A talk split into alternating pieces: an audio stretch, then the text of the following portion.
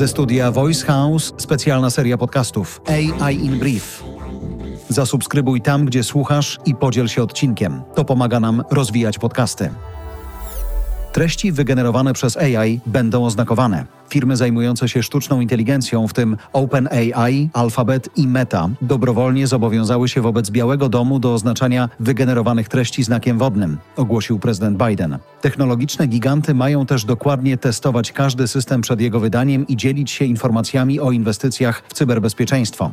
Musimy być trzeźwo myślący i czujni wobec zagrożeń ze strony nowych technologii, mówił prezydent USA. Unia Europejska zdecydowała się na taki krok w czerwcu. Unijni prawodawcy przyjęli projekt przepisów, zgodnie z którymi systemy takie jak ChatGPT mają zapewniać zabezpieczenia przed nielegalnymi treściami i pomagać w odróżnianiu tzw. Tak obrazów deepfake od tych prawdziwych.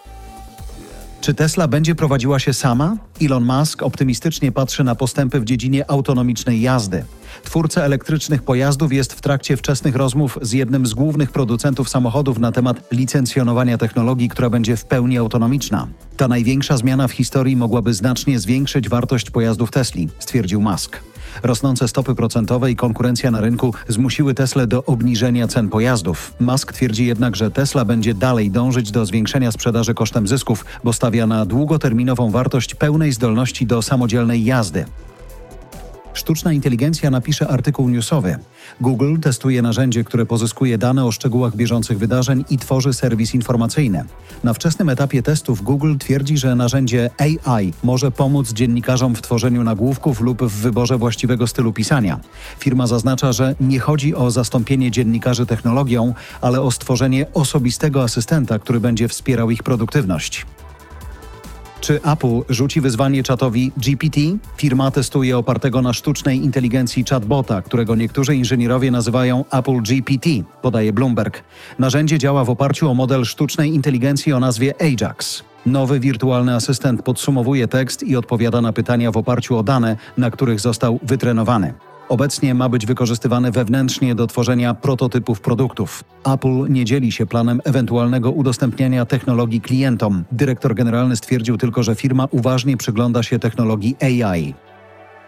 Jaką rolę odgrywa sztuczna inteligencja w relacjach międzyludzkich? Chatboty takie jak Eva AI coraz lepiej naśladują ludzkie interakcje. Kontroluj wszystko tak, jak chcesz. Tak brzmi slogan aplikacji.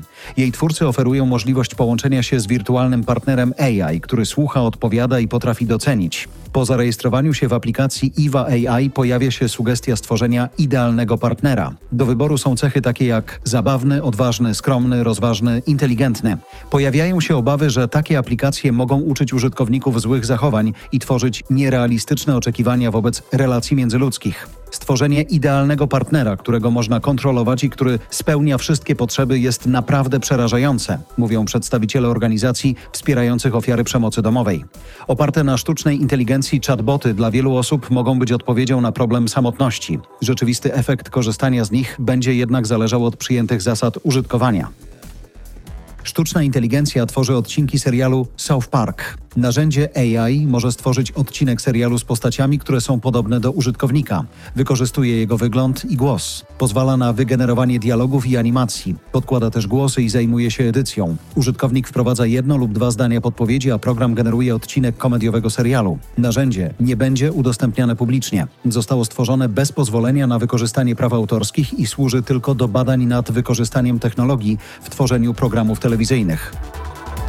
To było AI in Brief, serwis z najnowszymi, sprawdzonymi, ciekawymi informacjami o tym, co nowego wokół sztucznej inteligencji. Dzięki tej technologii wykorzystujemy głos Jarosława Kuźniara.